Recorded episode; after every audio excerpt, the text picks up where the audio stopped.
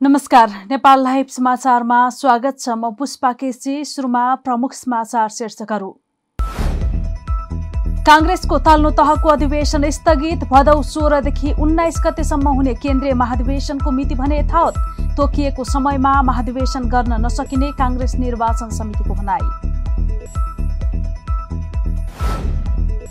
काठमाडौँ जिल्लामा corona virus विरुद्धको खोप लगाउन अनलाइन दर्तालाई अनिवार्य। पचास वर्ष वा त्योभन्दा कम उमेर समूहका व्यक्तिले विद्युतीय दर्ता नम्बर ल्याए मात्र कोरोना विरुद्धको खोप लगाउन पाइने। कोरोना भाइरस विरुद्धको खोप कार्डको प्रमाणीकरणका लागि थप तीन अस्पताल तोकियो। शुक्ररातसँगै पाटन सशस्त्र प्रहरी बल र निजामती कर्मचारी अस्पतालबाट पनि खोप कार्ड प्रमाणीकरण सुरु। हङकङ स्थित चिनी अधिकारीहरूलाई प्रतिबन्ध लगाइएको जवाफमा चीनले अमेरिकी नागरिक र संस्थाहरूमाथि लगायो प्रतिबन्ध। प्रतिबन्धमा पूर्व अमेरिकी वाणिज्य मन्त्री सहित अमेरिकाका सात नागरिक। र टोकियो ओलम्पिकमा आजदेखि नेपालका खेल सुरु सुटिङकी कल्पनाले बनाइन् राष्ट्रिय कृतिमान। सुटिङमा इरानले पहिलो पटक जित्यो स्वर्ण जुडोकी सोनिया भट्ट एक मिनट सोह्र सेकेन्डमै पराजित। अब समाचार विस्तारमा।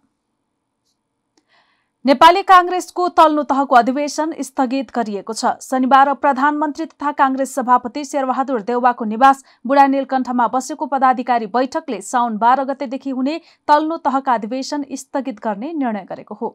भदौ सोह्रदेखि उन्नाइस गतेसम्म हुने केन्द्रीय महाधिवेशनको मिति भने यथावत रहने काङ्ग्रेसका प्रवक्ता विश्वप्रकाश शर्माले जानकारी दिए। यही साउन बाह्र गते बिहान सभापति देउबालाई क्रियाशील सदस्यता छानबिन समितिका संयोजक रमेश लेखकले प्रतिवेदन बुझाउनेछन्। त्यसपछि केन्द्रीय समितिमा छलफल हुने प्रवक्ता शर्माले बताएका छन्। चौधौँ महाधिवेशन भदौ सोह्रबाट प्रारम्भ गर्ने गरी पूर्व निर्धारित छ। केन्द्रीय महाधिवेशन गर्नु पूर्व साउन बाह्र गतेदेखि पार्टीको वडा अधिवेशन गर्ने गरी हामीले सेड्युल निर्माण गरेका थियौँ कार्यतालिका निर्माण गरेका थियौँ। अहिले त्यो महाधिवेशनको मितिको लागि एकातर्फ तिन दिनको मात्रै समय बाँकी छ वडा तहको सुरु हुनलाई र केन्द्रीय महाधिवेशन सुरु हुनलाई आजको दिनबाट उन्चालिस दिन बाँकी छ भदौ सोह्र आइपुग्नलाई। एकातर्फ समयको चाप छँदैछ। अर्कोतर्फ जिल्ला जिल्लाबाट विभिन्न ठाउँहरूबाट हामी समक्ष केन्द्रीय कार्यालय समक्ष कोरोनाको सङ्क्रमण कतिपय ठाउँहरूमा जारी रहेको बढिरहेको समस्या रहेको जटिलता रहेको सरकारको एक खालको निर्णय अघिल्लो सरकारकादेखि केही विषय कारण कायम रहेको यो अवस्थाको बिचमा समस्या आइरहेको साथीहरूले पनि बताइरहनु भएको छ। एकातर्फ हाम्रो तयारीको क्रममा भएको समस्या अर्कोतर्फ जिल्लामा कोरोनाको जे वास्तविकता छ त्यो तथ्य। त्यसैले आजको बैठकले साउन बाह्र गते सुरु हुने भनेर निर्धारित गरिएको वडा तहको अधिवेशनलाई आजको बैठकले स्थगन गर्ने हाम्रा बिचमा सल्लाह परामर्श भएको छ। साउन बाह्र गतेका दिन वडा तहको अधिवेशन स्थगन हुनुको अर्थ भदौ सोह्रदेखि हुने महाधिवेशन पनि स्थगन भन्ने होइन। महाधिवेशनको मिति अन्य तहको अधिवेशनको मितिहरू सबै कायमै छन्। बैठकमा प्रधानमन्त्री एवं काङ्ग्रेस सभापति देउबा वरिष्ठ नेता रामचन्द्र पौडेल उपसभापति विजय कुमार गच्छेदार महामन्त्री शशाङ्क कोइराला सहमहामन्त्री प्रकाश शरण महत कोषाध्यक्ष सीतादेवी यादव सहभागी थिए। यस्तै पूर्व महामन्त्री कृष्ण प्रसाद सिटौला प्रकाश मानसिंह रामशरण महत गृहमन्त्री तथा प्रमुख सचेतक बालकृष्ण खान प्रवक्ता शर्मा लगायत सहभागी थिए। यता नेपाली काङ्ग्रेसको निर्वाचन समितिले भदौ सोह्रदेखि उन्नाइससम्म महाधिवेशन गर्न नसकिने प्रस्ट्याएको छ। शीर्ष तहका नेताको बैठकमा समिति संयोजक महादेव यादवले समयाभाव हुने कारणलाई पुनः दोहोऱ्याएका छन्। यादवले पार्टीका सबै संरचनाको अधिवेशन सक्न निर्वाचन समितिलाई बाहन्न दिन बढी लाग्ने बताएका थिए। तल्लो तहका अधिवेशन छुट्याएर केन्द्रीय महाधिवेशन गर्ने मत आए पनि कुन कुन तहको गर्ने बारे भने ठोस निर्णय हुन नसकेको बताइएको छ। नेकपा एमाले बुटाएको युथ फोर्सको एक हजार एक सय एक सदस्य उपत्यका कमान्ड फोर्स गठन गरिएको छ। शनिबार कार्की ब्यानकोइटमा महासचिव ईश्वर पोखरेलको मुख्य आतिथ्यका बीच युथ फोर्सको उपत्यका कमान्ड फोर्स गठन गरिएको हो। कार्यक्रमलाई सम्बोधन गर्दै महासचिव पोखरेलले जन्म जसरी भएको थियो त्यसरी नै पार्टीका राजनीतिक कार्यक्रम र जनतासँग जोडिएर काम गर्न निर्देशन दिए। युथ फोर्सकै उपप्रमुख पुष्पराज श्रेष्ठको संयोजकत्वमा उपत्यका फोर्स गठन भएको बताइएको छ। महासचिव पोखरेलले संविधानको सर्वोच्चता कानुनी शासन र हिजो एमाले गरेका राम्रा कामलाई खत्तम गर्न खोजियो भने त्यसको विरुद्धमा भूमिका खेल्न निर्देशन दिए। युथ फोर्स आतंकको स्रोत होइन भन्दै उनले कसैले आतंक सिर्जना गरे जवाफ दिने शक्ति भएको बताए।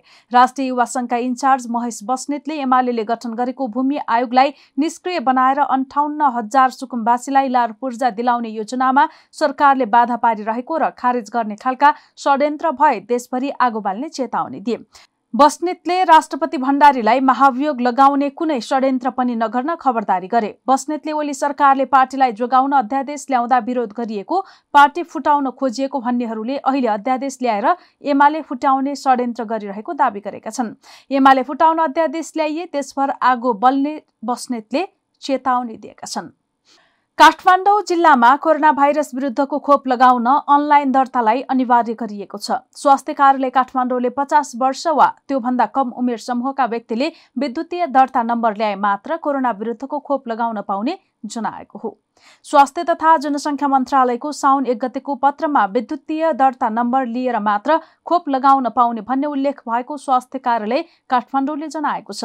मिति दुई हजार अठहत्तर चार महिना एकको पत्रमा उल्लेख भएकोले काठमाडौँ जिल्लाका पचास वर्ष वा सोभन्दा मुनिका नागरिक र अझै खोप लाउन छुटेका भए पचास वर्षभन्दा माथिकाले पनि छिटोभन्दा छिटो आफ्नो नाम स्वास्थ्य मन्त्रालयले तयार गरेको वेबसाइटमा गई दर्ता गराउनु हुन र सो दर्ता भएको प्रमाणले आगामी दिनमा सञ्चालन हुने खोप केन्द्रमा खोप लगाउन जानु हुन अनुरोध छ। स्वास्थ्य कार्यालय काठमाडौँले भनेको छ।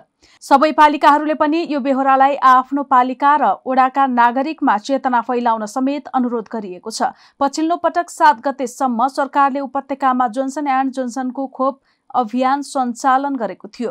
चीनबाट ल्याइएको खोप केही दिनपछि लगाउन सुरु गरिने स्वास्थ्य मन्त्रालयले जनाएको छ। नेकपा माओवादी केन्द्रका अध्यक्ष पुष्पकमल दाहाल प्रचण्ड र नेकपा एमालेका वरिष्ठ नेता माधव कुमार नेपाल बीच भेटवार्ता भएको छ।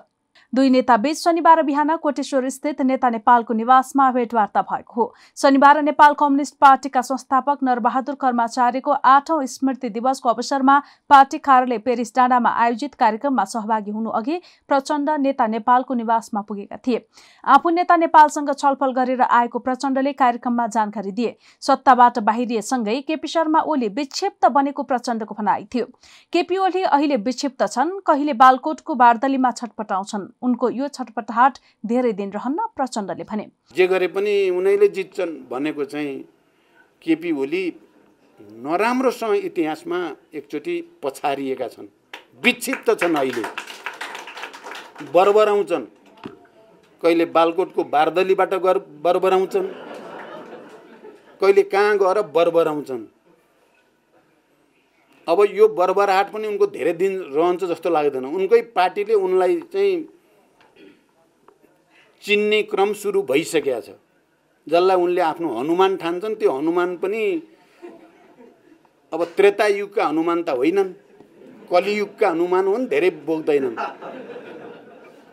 त्यो दिन आउँछ भन्ने देख्छु मैले। नेता नेपालले शुक्रबार ओलीप्रति सही व्यङ्ग्य गरेको प्रचण्डले बताए। आफूले माधव नेपाललाई धन्यवाद नै दिएको उनले सुनाए। माधवजीले ओलीलाई महाराज भनेर बडो सुन्दर व्यङ्ग्य गर्नुभयो। मैले उहाँलाई धन्यवाद भने प्रचण्डको भनाइ थियो। ओलीले स्पष्टीकरण सोधिएका सांसदहरूलाई माफी दिइएको छ भन्ने अभिव्यक्ति दिएको भोलिपल्टै वरिष्ठ नेता माधव कुमार नेपालले ओलीलाई महाराज धिराज भन्दै आफूहरू माफी पाएर गदगद भएको बताएका थिए।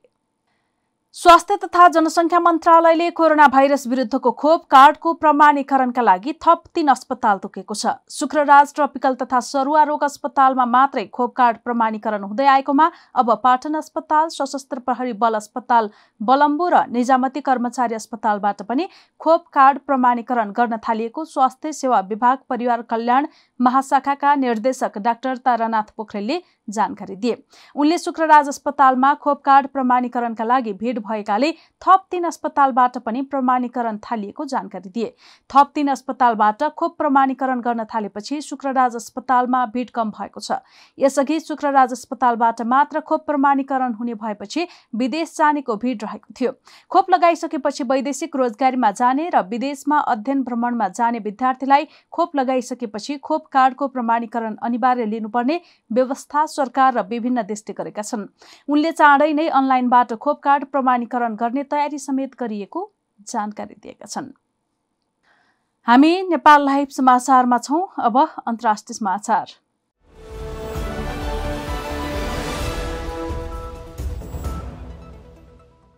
हङकङ स्थित चिनी अधिकारीहरूलाई प्रतिबन्ध लगाइएको जवाफ स्वरूप चीनले अमेरिकी नागरिक र संस्थाहरूमाथि पनि प्रतिबन्ध लगाएको छ।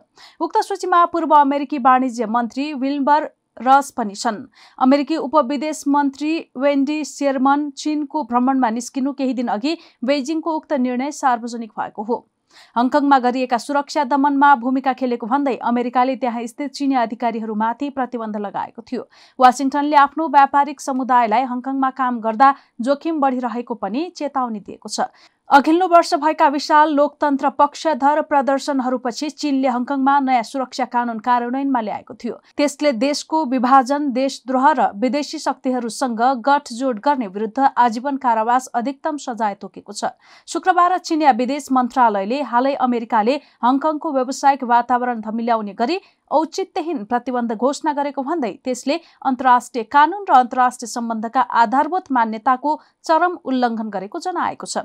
उसले पूर्व मन्त्री रससहित अमेरिकाका सात नागरिक र निकायमाथि प्रतिबन्ध लगाइने पनि जानकारी दिएको छ। नेपाल लाइभ समाचारमा अब खेल समाचार।